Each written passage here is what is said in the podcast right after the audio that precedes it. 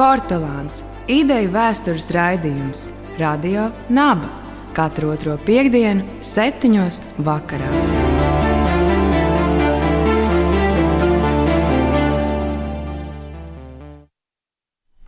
Labvakar! Esiet sveicināti radio naba raidījumā Portugāns. Tuvojas vasaras tveica.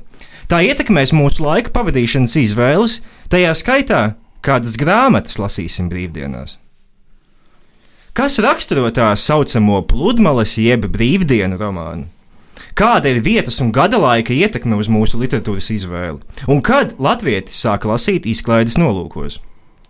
Lai meklētu atbildes šiem jautājumiem, šovakar studijā ar jums Rudolfs Vitoļņš, Mikus Solovejs un mūsu šī vakara viesis literatūras zinātnieks, kura pētniecības centrā ir latviešu literatūras izveidošanās caur 18. un 19. gadsimtu Pauls Daija. Labvakar! Pirms kādiem vairākiem gadiem Facebookā es ievēroju sludinājumu, kur tika pārdots romāns Raimonda Čandlera romāns Dziļais miegs. Un aprakstā bija teikts, ka tā būtu piemērota literatūra karstā vasaras dienā pie jūras. Nu, šis ir ārkārtīgi sarežģīts romāns. Tā, nu, pēc nostāstiem tā autors pat nesot zinājis, kā šis romāns ir atrisinājies. Uh, kā arī tā ir pavisam vienkārši 20. gadsimta amerikāņu krimināla literatūras klasika. Taču tas tam neliedz būt par pludmales romānu. Tieši tāpat kā arī kāds romantisks stāsts vai, piemēram, tehnotrilleris. Ir skaidrs, ka šis ir ārkārtīgi subjektīva kategorija. Tādēļ mans pirmais jautājums - kādi teksti tev saistās ar vārdiem pludmales romāns, vasaras romāns, brīvdienu romāns? Pirms es atbildu, es gribēju teikt, ka man liekas, es neesmu lasījis uh, dziļo miegu, bet es pazīstu šo tekstu no filmas. Jā, jā, jā. Un man liekas, ka filma ir tieši tā, kas to arī ir padarījusi par klasiku. Filmā es saprotu, ir vēl grūtāk nekā romānā saprast, kas tur īsti notiek vienā brīdī. Uh, kas drusku saistīts arī ar to montāžas vēsturi, bet, mm, ja es pareizi atceros, tad, tad kad šis romāns iznāca, tad es domāju, filma ir 40. gadu vidus, tātad acīm redzot 40. gadu sākums. Tad tā bija viena no pludmales lasām vielām. Un tad es domāju, tas ir mainījies. Romāns ir ieguvis tādu elitāru statusu, un tagad mēs redzam, ka atkal atgriežas atpakaļ. Man liekas, ka tā ir viena interesanta tēma, jo tā pirmā lieta, kas man asociējas ar pludmales romāniem, droši vien ir uh, vieglums un arī escapisms. Un trešais atslēgvārds varētu būt komforts. Un, uh, man liekas, ka tas vieglums jau, protams, nepiemīt tekstiem pašiem par sevi, bet gan vieglums lielā mērā ir atkarīgs no mums kā lasītājiem. Un ļoti interesanti arī skatoties uz Čandlera romānu, ir tas, kā vieglums laika gaitā ceļo. Viens teksts var būt vienā brīdī viegls un citā brīdī smags. Bet uh, starp tevis minētajiem parametriem, manuprāt, būtu jāpieliek vēl tas, ka šī literatūra arī ir liela un lētā tirāžā un tā ir pieejama plašām cilvēku masām, kurām ir laiks patērēt šo sadrukāto. Un kad šie tehnoloģiskie parametri īstenojas, un sociālie, protams. Nu, eh, principā tie jau eh, īstenojas 18. gadsimtā, kad viens no, viena no tādām lielām problēmām, ar ko lasītāja publika saskārās, bija kaut kas līdzīgs tam, eh, ko mēs pazīstam šodien. Tā bija informācijas pārbagātība. Uh, vai tas, ko mēs angļuiski saucam par information overload. Un, uh, Tas lielā mērā bija rezultāts tam, ka kļuva aizvien lētāka grāmatu iespiešanas tehnoloģija. Pa īstam tas sprādziens bija 19. gadsimta vidū, un tas, protams, sakrit arī ar uh, brīvā laika uh, palielināšanos. Nu, 19. gadsimts vēl nav tāds atvaļinājuma un brīvdienu laikmets, man liekas, ka uh, Eh, ka šī tendence nāk drīzāk 20. gadsimta sākumā. Jā, nu, vasaras brīvdienu idejas vēsture vai atvaļinājuma vēsture būtu jau pavisam cits raidījuma temats. Bet, ja mēs esam šo aizskāruši, varbūt tu vari paraksturot, kādi tev ir um, šie atvaļinājumu un brīvdienu literārie piemēri, kas tev nāk prātā. Jo man nāk divi - Sheltering Sky un atkal no kino baseins ar, ar Lēnu Delonu. Bet jāpiezīmē, ka šīs abas brīvdienas ir diezgan smagas. mm -hmm. nu, jā, tāda savā veidā brīvdienas ir piemērots motīvs, ko ļoti labi dekonstruēt un parādīt tieši pretējo. Man nāk prātā no pavisam tādas Eiropas literatūras klasikas, protams, darbi, kas ir saistīti ar ceļošanu un ar to, kas tajā laikā savā ziņā pildīja atvaļinājumu un brīvdienu lomu noteiktai sabiedrības kārtai, un tās bija tās lielās stūres, Grand Tours. Jā, lielā tūre tā bija tradīcija, kas sākās ar uh, Eiropas aristokrātiju. Tie parasti bija ceļojumi studiju posma nobeigumā. Uh, kas sākās ar tradīciju apmeklēt Itāliju un redzēt klasiskās kultūras pirmsākumus, un tad parasti jau šajā ceļojumā apmeta loku arī pa Franciju, Šveici un uh, citām vietām. Tātad tā bija daļa no izglītošanās, tā varēja būt viena vasara, varēja pat aizņemt vairākus gadus. Un, um, uh, un jā, lielā tūre uh, bija tāda tradīcija, ko kopa Vācu Baltiešu elites pārstāvja arī pie mums, uh, Vidzemē un Kurzemē. Uh, netrūks tādu, kas devās šādās stūrēs, un tad arī ne tikai uh, ne tikai apskatīja dažādas vietas, bet iepazinās ar cilvēkiem. Ceļojuma laikā lasīja galvenokārt tā bija klasiskā literatūra, grieķu un romiešu. Un, protams, tāds lielās stūres vēl viens aspekts, ko, kuram vēsturē reizēm paiet garām, tā bija arī tāda nu, seksuālās pieredzes padziļināšana. Bet šis ir izteikti aristokrātu atpūtas veids. Uh, un sevis bagātināšanas veids, bet kā ar uh, vienkāršo sabiedrības daļu, un vai tur lielu lomu nespēlē vilcienu parādīšanās? Jā, noteikti. Uh, lielā tūre patiešām saistīta ar aristokrātiju, un tad, kā jau uh, liela daļa no lietām, kas saistīta ar aristokrātiju apgaismības laikā, viņa pamazām sasniedz arī vidusšķiru. Eh, kas sāk atdarināt šos paradumus un varbūt ieliek tos pavisam jaunā kontekstā. Bet eh, skaidrs, ka tas īsti neatiecas uz eh, zemākajām sociālajām klasēm, kas varbūt devās ceļojumos tikai tad, ja bija sulāņi, kas pavadīja savus kungus kaut kur un tādi gadījumi. Netrūkst arī 18. gadsimta Baltijā Bet eh, tas, kas eh, sekmēja noteikti vasaras brīvdienu pavadīšanu pludmalē, noteikti bija dzelzceļa izgudrošana. Tāpat kā dzelzceļa izplatība jau arī lielā mērā padarīja iespējamus pirmos vispārējos latviešu dziesmu svētkus. Bet, ja mēs šodien dzirdam vārdu viegli, viegli un komfortabli. Es citēju tev, tu teici, ka šie romāni bija šādi. Vai 19. gadsimtā notika refleksija par to, kādam ir jābūt šim pludmales izklaides romānam, vai arī pretēji augstajai mākslai?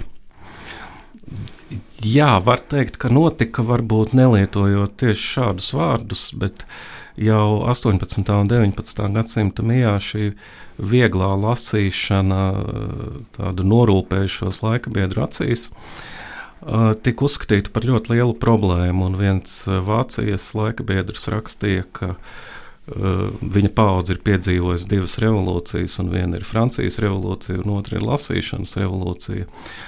Un nav iespējams pateikt, kura no tām ir nodarījusi lielāku ļaunumu.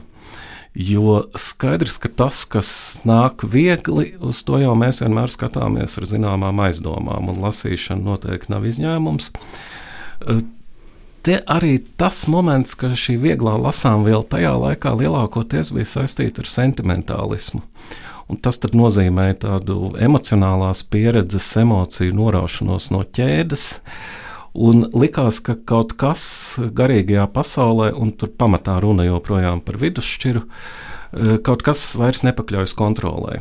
Un tādos brīžos jau mm, nav ilgi jāgaida, kad parādās cilvēki, kas eh, mēģina ieviest kārtību. Jā, jo kad runā par labu tekstu, eh, tad jau saka, ka viņš parasti maina, viņš kļūst par daļu no mums. Tas jau vienmēr prasa piepūli. Un tad šis vieglais teksts ir kā caurvējš, tu izlasi aizmirsti.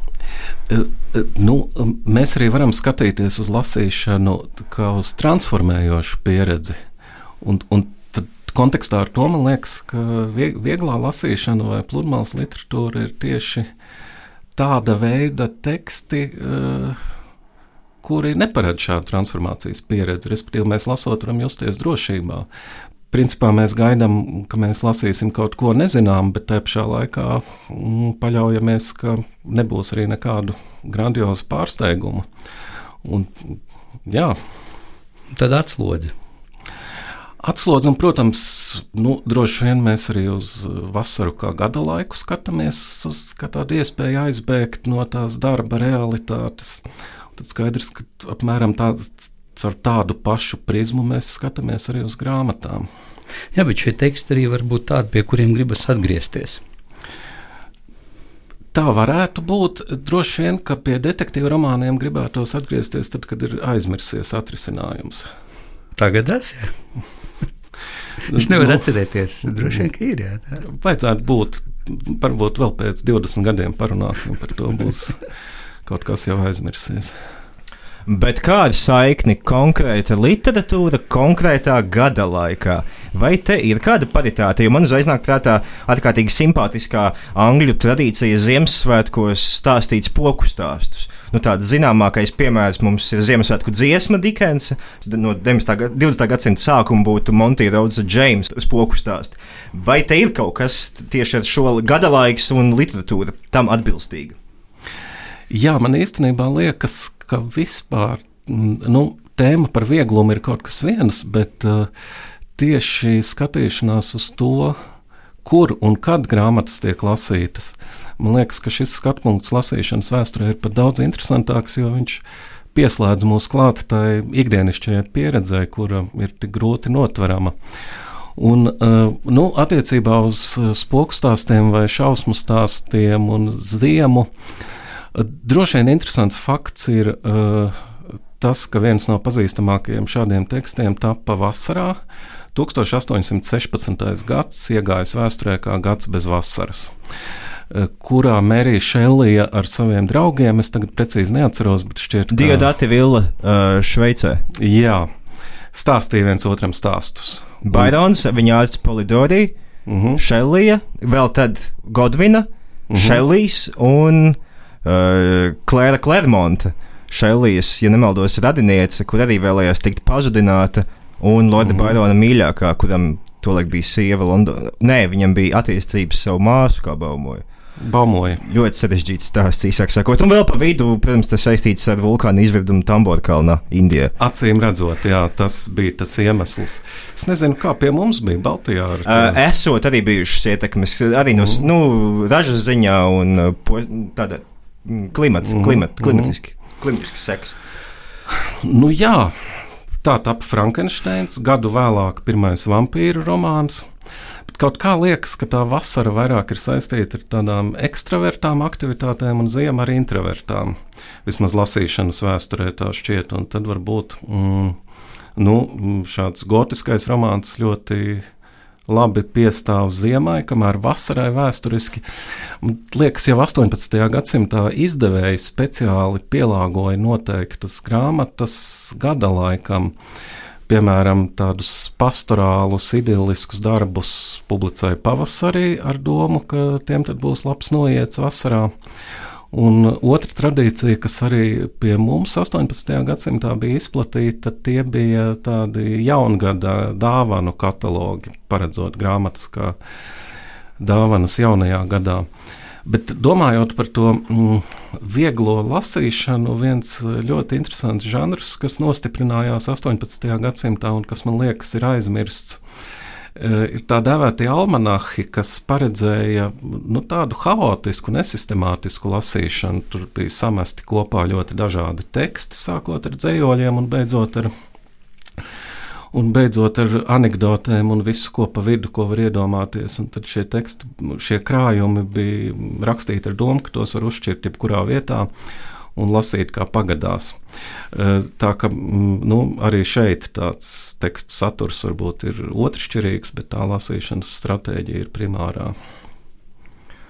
Mums pirms divām nedēļām bija raidījums ar Aivu Čevski, un mēs tur paķidājām vienu Petrārkas vēstuli, kurā viņš pirms kāpiena kalnā, kāpjot kalnā iedvesmojās no plīnija, un kāpjot kalnā paņēma līdzi svēto, svēto Augustīnu.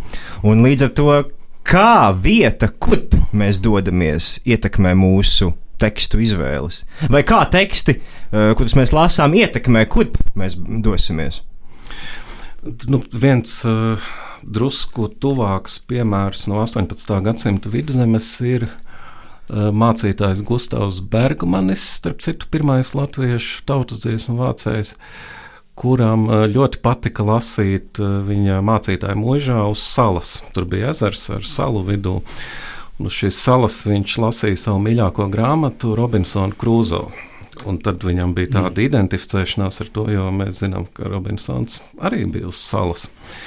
Uh, tikai nu, mm, citā mērogā. Uh, man liekas, ka vieta, uh, mm, ka vieta latviešu lasīšanas vēsturē kļūst ļoti svarīga saistībā ar tiem galvenajiem punktiem, kas veidoja latviešu zemnieku tādu geogrāfisko apvārsni apgaismības laikmetā, un tie bija, protams, eh, eh, kaut kur svārstījās starp baznīcu un krogu, un pa vidu bija arī gada tirgus un, protams, mājas.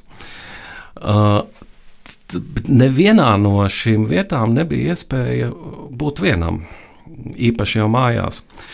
Un tad, ja mēs lasām, piemēram, latviešu harnhūtiešu dzīves stāstus, tad redzams, ka tad, kad šie cilvēki bija noskaņoti uz introspekciju, tad viņi mēdza doties uz mežu, lai lasītu grāmatas, kas bija reliģiski teksti. Uh, nu, savukārt, gan baznīcā, gan krogā, protams, lasīšana bija kolektīva. Un vispār jau šķiet, ka līdz pat 19. gadsimta vidum kolektīvā lasīšana Nu, ir, protams, jāuzmanās ar tādiem kvantitatīviem apgalvojumiem, bet šķiet, ka tā dominēja pār individuālo, intīmo lasīšanu. Bet vai lasīs skaļi vai klusi pie sevis, mums ir zināms? Mums ir zināms, ka lasīja skaļi. Uh, nu, ja lasa kolektīvi, Jā, tas tad skaidrs, lasa pats, priekšā. Bet tad, kad lasīja paši, uh, tad jau gan lasīja pie sevis visdrīzāk klusu. Nu, tur nebija tas, ko Augustīns raksta. Liekas, tā, tādus vērojumus es neesmu lasījis. Kaut gan nu, tā lasīt prasme bija ļoti, ļoti dažāda. Es domāju, ka šodien mums visiem ir diezgan unificēta lasīt prasme, gan tiem, kas lasa daudz, gan maz. Uh, nu, tādos lasīšanas kultūras veidošanās pirmsākumos uh, ļoti atšķīrās tās pakāpes, sākot ar tādu ļoti ilgu un lēnu bokstrēšanu un beidzot jau gludu lasīšanu pie sevis. Bet kā lasīšana, kā izklaide sasniedz latviešus? Nu, kad latvietim parādās laiks lasīt izklaidēji? Las, man liekas, ka lasīšana kā izklaide sasniedza latviešus jau ļoti ātri līdz ar vecās tendera grāmatām. Un tad mēs domājam gan par viņa ziņģēm, gan par stāstiem un fabulām. Uh, Tas laika biedru vērojumi par to, cik daudz latviešu lasījuši šīs grāmatas, ir ļoti pretrunīgi un netrūkst tādu uh, piezīmju, ka nu, vairāk nelasa nekā lasa. Tāpat laikā, kā mēs varam spriest, ka šīs grāmatas bija populāras pēc atkārtotajiem izdevumiem, ko izdeva tomēr uz biznesu vērsti izdevēji. Tātad, uh, Eh, noiets eh, šīm grāmatām bija. Un tad, sākot ar veco stenderu, 18. gadsimta vidū veidojas tāds 70 gadus ilgs posms, kurā nobriest un izveidojas latviešu laicīgā lasītāja publika, kas lasa uh, apmēram tā, kā mēs varam to iztēloties savā pieredzē. Lasa uh, izklaides nolūkos, uh, varbūt arī lasa, lai paplašinātu savu redzesloku un sevi pilnveidotu. Un tas tāds kulminācijas punkts ir saistīts ar uh, stāstu grāfa Lielmāte Genoveva, kas tika tulkots latviešu 1845. gadā. Par to uh, netrūkst uh, liecība, ka tas un, un turpmāk tam sekojošie līd, līdzīgi veidi darbi uh, izraisīja tādu sprādzienam līdzīgu reakciju latviešu lasītājos. Bet šeit mēs runājam vidzeme, kurzeme un latgale, nu šī Latvijas vēsturiskā telpa, vai šeit ir kāda specifika šiem reģioniem? Jā, vidzemes un kurzemes reģionālās atšķirības jau 19. gadsimta vidū uh, sāka aizvien vairāk izlīdzināties. Uh, kamēr uh, Latvija bija cita pasaule. Mm -hmm. Nu, tas robežas starp novadiem, protams, nenozīmē to, ka nebija kontaktu, jo um, mēs paskatāmies uz baznīcu vizitāciju protokoliem. Diezgan daudz jau ieceļotāji no Latvijas vidzemē un tā tālāk. cilvēki tomēr kustējās daudz, bet lasīšanas paradumi Latgalē attīstījās krietni vēlāk, un tam viens primārais iemesls bija drukas aizliegums 19. gadsimta 60. gados. Proti, aizliegums iespiest tekstus ar latīņu burtiem. Un otrs iemesls, protams, bija tas, ka lielā mērā jau visā Eiropā tieši protestantu baznīca bija tā, kas veicināja las, lasīt prasmes izplatīšanos zemākajās kārtās. Un uh, Latgalē, protams, Šo darbu būtu varējuši paveikt un īstenot jēzuīti, kas to arī darīja, bet eh, nu, arī viņiem nācās saskarties ar daudz ierobežojumiem. Un, un, jā, tas neīstenojās tik plaši kā vidzemē un kurzemē. Nu, esi arī mm, Hanhūtiešu tekstu pētnieks, un uh, Hanhūtiešu literārais mantojums ir ļoti būtisks uh, latviskās identitātes veidotājs, tāpat kā Dainu teksti. Tomēr lasot Hanhūtiešu Uh, mantojumu, uh, nevilšus sāk domāt par to, kādēļ tie tik ļoti atšķiras no dainu tekstiem. Dainu intonācija, stilistika, vēstījuma melodija atšķiras no henhūtiešu intonācijas. Un šeit nav runa tikai par saturu, vai henhūtiešu sentimentalitāti, vai specifisku reliģisko simboliku. Tur ir kaut kas vairāk. Kā tu izskaidro šo atšķirību? Tomēr viena kopiena zeme, identitāte. Nu, viens veids, kā uz to skatīties, varētu būt uh, tāds, ka mēs pretstatītu šīs abas tekstu grupas kā orālo un rakstīto kultūru. Man liekas, arī ja mēs tagad domājam mūsdienās par mūsu pašu uh, to komunikāciju, kas ir mutvārdos un to, kā mēs rakstiski komunicējam, tas kaut kādos aspektos daudz kas kopīgs, bet citos atkal varbūt reizēm izrādās pat uh, divas dažādas pasaules. Man liekas, ka, mm, ka šīs pasaules nesaplūda Hanhūtiešu laikmetā. Tieši tāpēc, ka rakstītajam tekstam bija sava loģiska vieta un um, runātajam cita. Ir ļoti interesants jautājums par to, protams, vai Hanhūtieši izspieda un iznīcināja latviešu tautas dziesmas. Un, uh, un, un etnogrāfiskās tradīcijas, un ir diezgan daudz pētījumos teikts, ka tieši tā tas arī bija. Tāpat laikā tomēr ir uh, citi pētījumi, kas liecina par pretējo, piemēram, nu, to būtu vērts jautāt folkloristiem, kā bija ar tautas dziesmu vākšanu Hanhūtiešu apgabalos. Šķiet, ka nu, tur nebija tādi tukšumi. Mm. Bet es uh, neesmu to dziļāk pētījis, tāpēc varu šeit arī kļūdīties. Man liekas, ka noteikti nevar teikt, ka hanhūtieši būtu mm, izstūmuši dainu mantojumu vai šo pasaules skatījumu. Drīzāk viņi vienkārši atstāja rakstīto un runāto komunikāciju katru, katru savā telpā. Jā, jo tad, kad mēs runājam par lasošu, rakstošu, reflektējošu latvieti, nu šobrīd mums nāk prātā tomēr brāļa draugs, šie reģioni, un mēs sarunu sākām ar izklaidi. Uh, ko viņi lasīja? Tad nu, ir šī, protams, uh, nu, svēto rakstu lasīšana un, un, un arī sprediķi, uh, izklaide, kā lasīšana. Tomēr tie lasoši, rakstoši, reflektējoši latvieši. Nu, sākumā mēs runājam par 18. gadsimta vidu un arī otro pusi. Lasīšanai ar izklaidi bija ļoti maz sakara. Nevar teikt, ka nemaz, bet visdrīzāk uz tādu, kas lasīja kaut ko mm, izklaides nolūkos, raudzījās kā uz īpatni vai varbūt mm, pat varbūt tādu iekšējo līdzsvaru zaudējuši. Nu, tas mainījās 19. gadsimta sākumā, kad arī Hernhūtiešu vidū rokrakstos sāka cirkulēt piedzīvojumu stāsti, Viens no tādiem ir stāsts par Fridolīnu, kuram īsti nav saistība ar Šileru, bet kura to vācisko avotu mēs joprojām turpinam meklēt. Uh, bet jā, la, la, lasīšana bija ļoti nopietna nodarbe Hanhūtiešiem sākotnēji. Un, uh, pastāvēja līdzās gan kolektīvās, gan intīmās lasīšanas prakses. Uh, bet visdrīzāk tām nebija nekāda sakara ar mm, tādu patīkamu laika pavadīšanu, laic, laicīgā nozīmē. Un tad kalendāra fenomens. Nu, ar kalendāru fenomenu ir drusku sarežģīti, jo mēs zinām, ka kalendārs bija latviešu visvairāk pirktā grāmata, visvairāk pirktais izdevums. Uh, apgaismības laikmetā tas metiens sasniedza vairākus tūkstošus eksemplāru gadā. Uh, noteikti lielāks metiens nekā, piemēram, Gētas vai Šillera grāmatām Vācijā tajā laikā. Protams, kalendārs bija praktiski nepieciešams ikdienā tās kalendārija daļas dēļ, un mēs īsti nevaram spriest par to, cik daudz lasīja tos pielikumus ar dažādu saturu, lielākoties jau pamācošiem, izglītojošiem tekstiem. Bet tā kā šī grāmata nonāca latviešu rokās, tad varbūt arī tas pielikuma saturs. Izklaidējošā beletristika ar laiku arī pa sētas durvīm varēja ienākt uh, Eh, latviešu mājās, nu, tajā laikā, kad vēl priekšstats par izklaidējošu lasīšanu tika uzlūkots ar aizdomām.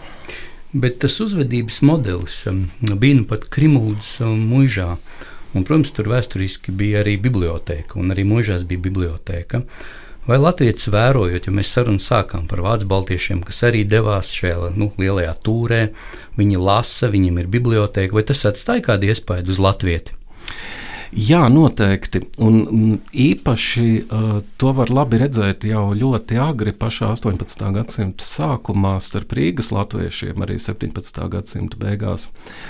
Kur laika biedri liecina, ka viņi uh, sāk aizvien vairāk atdarināt vāciešus, protams, nu, kā tajos laikos var atdarināt ar apģērbu. Bet arī ar to, ka sāk lasīt grāmatas.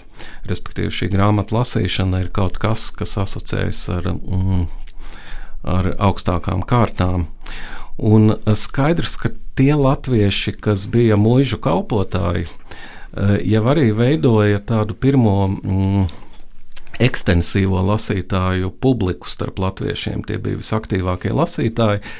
Mēs to zinām, tāpēc, ka tajā laikā daudz grāmatas izplatīja ar iepriekš parakstīšanās metodi, un grāmatās ir publicēti tie nākamie pircēji, kas ir iemaksājuši naudu pirms grāmatas izdošanas. Tur ļoti dominē saimnieki, bet tad tā nākamā lielā grupa ir tieši mūža kalpotāji vai arī krodzinieki, dzirnavnieki. Tas, tas, ko tā pēdiņās liekot, varētu saukt par lauku vidusšķiru.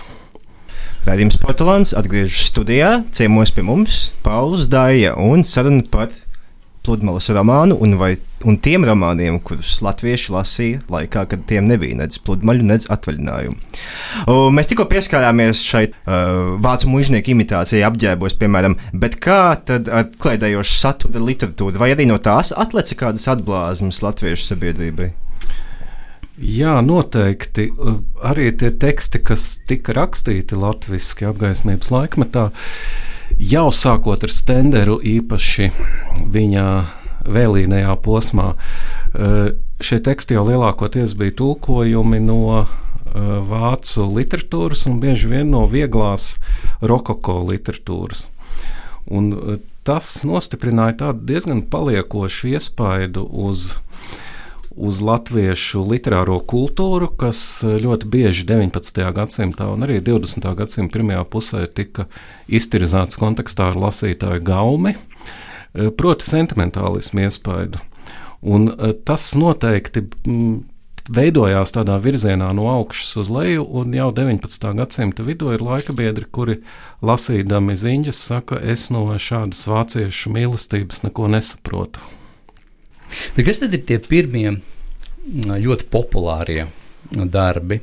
kas cirkulē. Jo skaidrs, tad, kad mēs runājam par tādiem ļoti ietekmīgiem tekstiem, tad, nu, senatnē, protams, glīka tulkojums, uh, manceļa sprediķi, fīrekera dziesmas, un, bet latvietis rakstošs un, nu, lietojot šodienas terminoloģiju populārs vai pat bestsellers pirmais.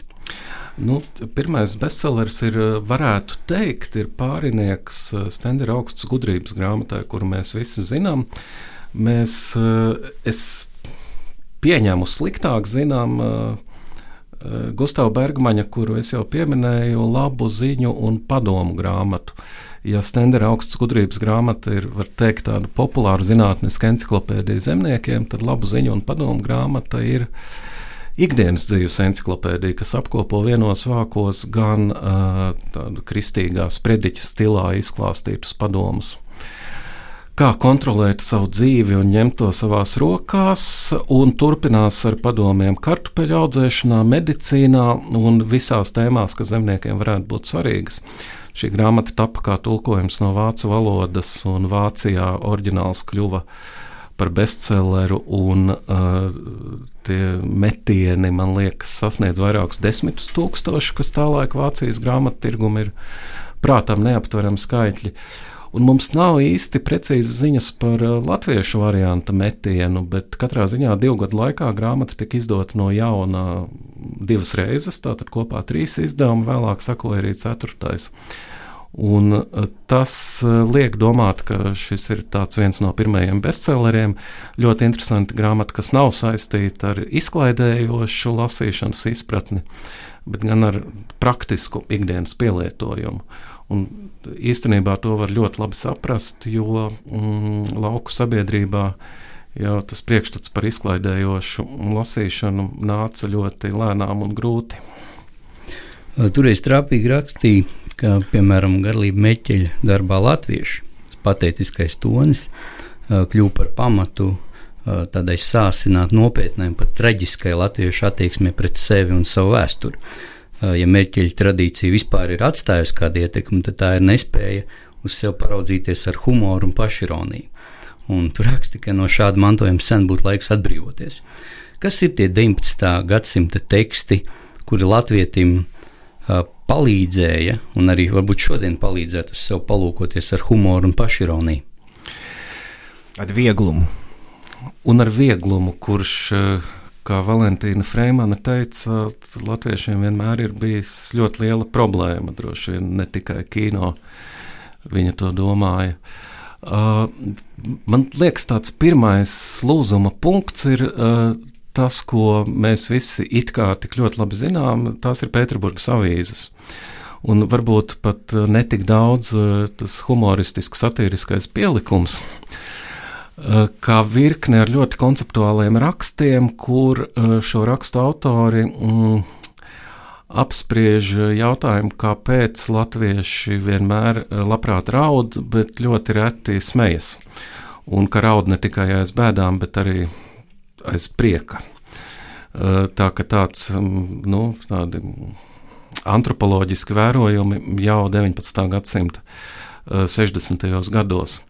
Es domāju, ka pēc tam jau uh, ļoti daudz teksti ir tādi, kas padara, um, kas padara skatījumu pašiem uz sevi vieglāku un droši vien, ka ne tikai mērnieku laiki, bet arī, uh, bet arī tie teksti, kas ir saistīti ar uh, pilsētas dzīvi un urbāno pieredzi, uh, kas jau, man liekas, arī mūsdienās lasot, uzreiz jau mums ir drusku vieglāk eh, ielīst eh, to cilvēku ādā. Un skaidrs, ka tas varbūt vienmēr nav mm, vieglums, kas raksturo šos tekstus, bet tā ir jau cita veida domāšana, kas ir saistīta ar šo savas dzīves ņemšanu savās rokās un šo tēlu, ko mēs angļuiski saucam par self-made man. Kas, eh, protams, ir tas, ko savā praktiskajā dzīvē īstenoja un nu, literatūrā mm, apsprieda Augusts Daglaus. Nu, es domāju, ka mēs esam pietuvojušies sarunas noslēgumam. Tad uh, droši vien jautājums ir. Um... Savēlkot kopā to, kas ir izskanējis, tad mans pēdējais jautājums ir šāds. Vai pludmales romāns ir tikai dažu dienu aizrautība karstā vasarā, ko mēs pēc tam aizmirstam?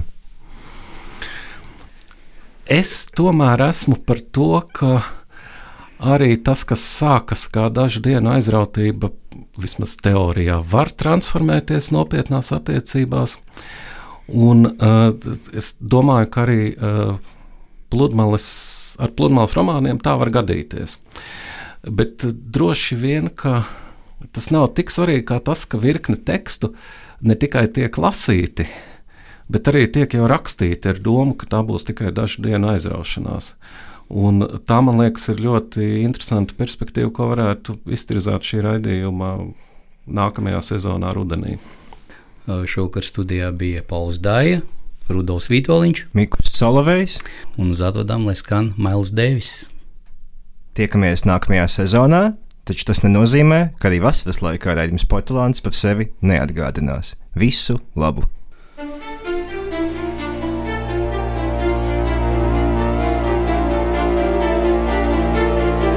Portugāns - ideju vēstures raidījums. Radio Naba. Katru otro piekdienu, septiņos vakarā.